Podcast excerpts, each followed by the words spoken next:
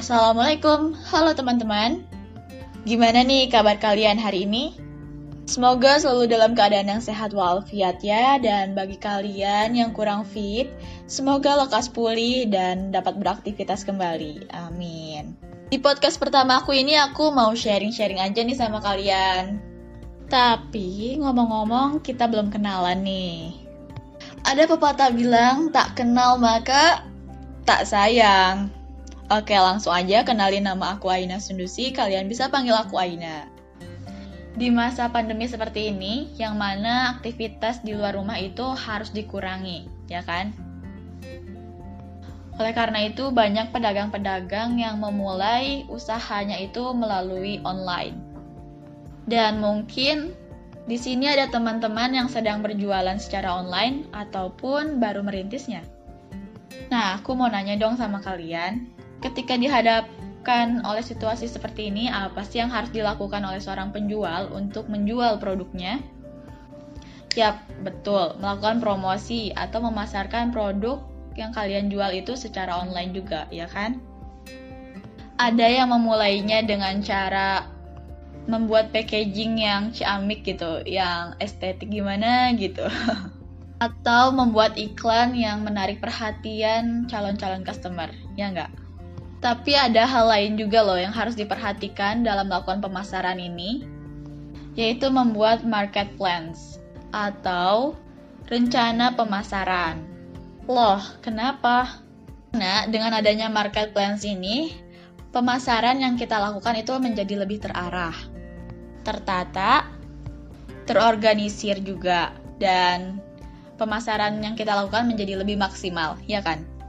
Dan ada juga manfaat lainnya juga loh, yang mana kita lebih konsisten dalam melakukan pemasaran.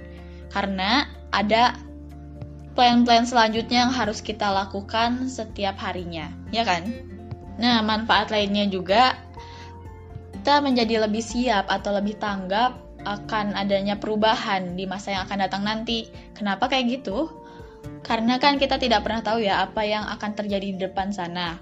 Nah, oleh karena itu kita harus mempersiapkannya dari sekarang-sekarang ini. Misalnya nih, tiba-tiba di masa yang akan datang harga bahan baku dari produk yang kita jual ini tiba-tiba naik. Maka kita akan lebih siap atau kita udah memprediksikannya akan hal itu gitu. Jadi, kita juga udah menyiapkan harga yang pas gitu untuk jangka yang lebih lama agar tidak ada tiba-tiba naik harga kayak gitu untuk produk kita ini. Atau contoh lainnya misalnya produk atau penjualan kita ini tiba-tiba menurun. Nah, kita lebih siap akan hal itu gitu. Jadi kita tahu apa yang harus kita lakukan untuk menghadapi problem seperti itu. Hingga market plans ini menjadi tolak ukur kita nih dalam membuat keputusan di masa yang akan datang nanti. Nah, manfaat lainnya juga ada sebagai evaluasi kita, evaluasi dari kinerja kita sebagai seorang penjual dalam memasarkan produk kita nih. Karena dari sini kita menjadi lebih tahu di bagian mana yang mana usaha kita kurang maksimal.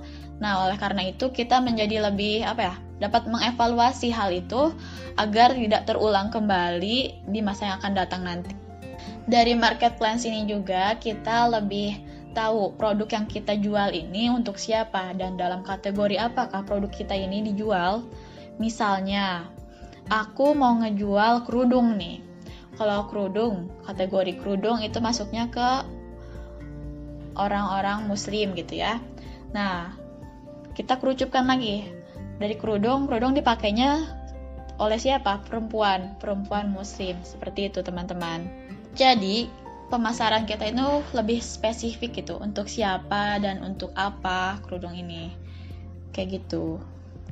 Dalam dunia perbisnisan juga, ini tuh nggak luput dari yang namanya kompetitor atau saingan yang kita kenal. Yang mana mereka menjual produk yang serupa dengan harga yang lebih murah. Suka kesel nggak sih? Kadang emang suka bikin jengkel gitu ya dikit. nah, untuk itu aku pengen tahu dong pendapat kalian nih kalau kalian nggak menghadapi hal yang serupa seperti ini. Ya, betul. Kalian mungkin akan bilang, nggak apa-apa, kan ada harga, ada kualitas. Dan itu benar. Atau mungkin ada yang kebingungan, ah gimana ya kalau kayak gitu? Berarti kita harus kayak gimana? Nah, di mata kuliah English Entrepreneur ini dosen aku bilang, gak perlu khawatir sama hal-hal yang seperti itu. Karena si jodoh ini, eh si jodoh kok jadi jodoh? Jadi maksud aku tuh produk-produk yang kita jual ini tuh masing-masingnya udah punya jodohnya loh. Udah kayak kita aja ya, lagi menanti jodoh.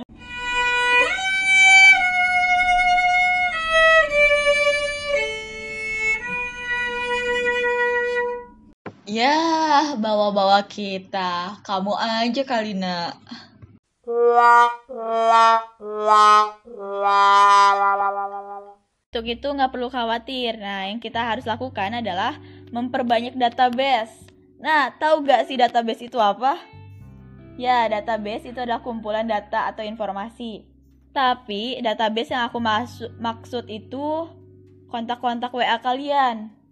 Jadi, kontak WA yang kalian punya ini termasuk loh ke dalam database.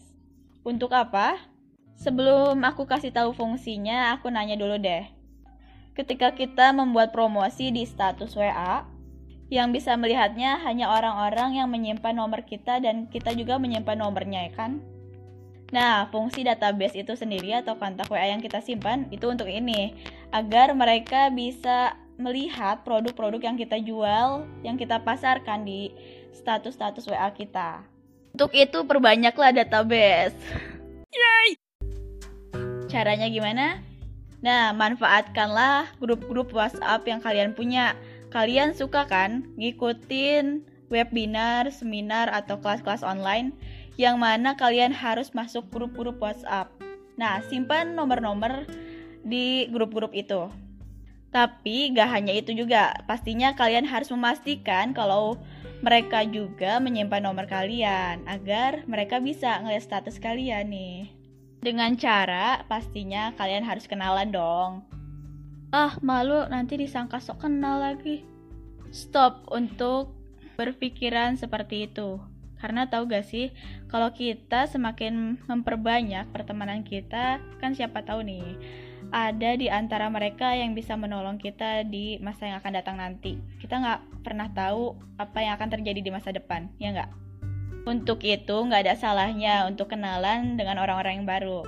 Dan lagi pula, dengan kita berkenalan dan dan menjalin hubungan gitu, hubungan pertemanan yang mana dengan ditumbuhkan dengan komunikasi yang baik, itu bisa menjadikan peluang yang besar agar produk kita ini ketemu sama jodoh-jodohnya, alias laku produk kita ini.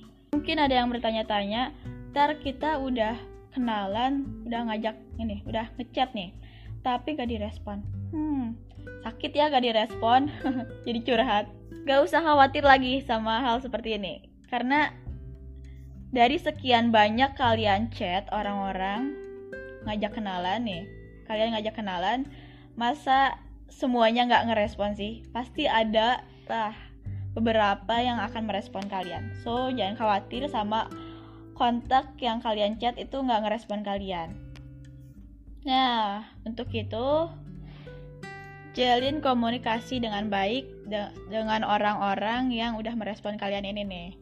Kayak misalnya kalau dia bikin status, kasihlah komentar pujian. Kan siapa yang nggak suka dipuji ya gak? Biar apa? Biar kalau misalnya kalian bikin status tentang produk-produk kalian nih, kalau kalian udah menjalin hubungan dengan baik dengan orang-orang tersebut, nah mereka-mereka ini gak akan segan untuk bertanya-tanya akan produk-produk kalian ini. Dan siapa tahu kan mereka berminat untuk membeli produk kalian. Oke, nggak kerasa ya aku udah nemenin kalian dan terima kasih banyak kalian udah dengerin dari awal sampai akhir ocehan aku ini. Dan tentunya mohon maaf bila ada kata-kata atau informasi yang kurang tepat. So, aku sangat terbuka untuk menerima masukan kalian dan saran. Jadi kalian bisa DM aku lewat Instagram Aina SD asik sekalian promosi nih. Tapi kita juga bisa lo mutualan di Instagram. So, cek aja. Pesan dari aku tetap semangat dan jangan patah semangat. Sampai jumpa di podcast selanjutnya. Terima kasih. Wassalamualaikum warahmatullahi wabarakatuh.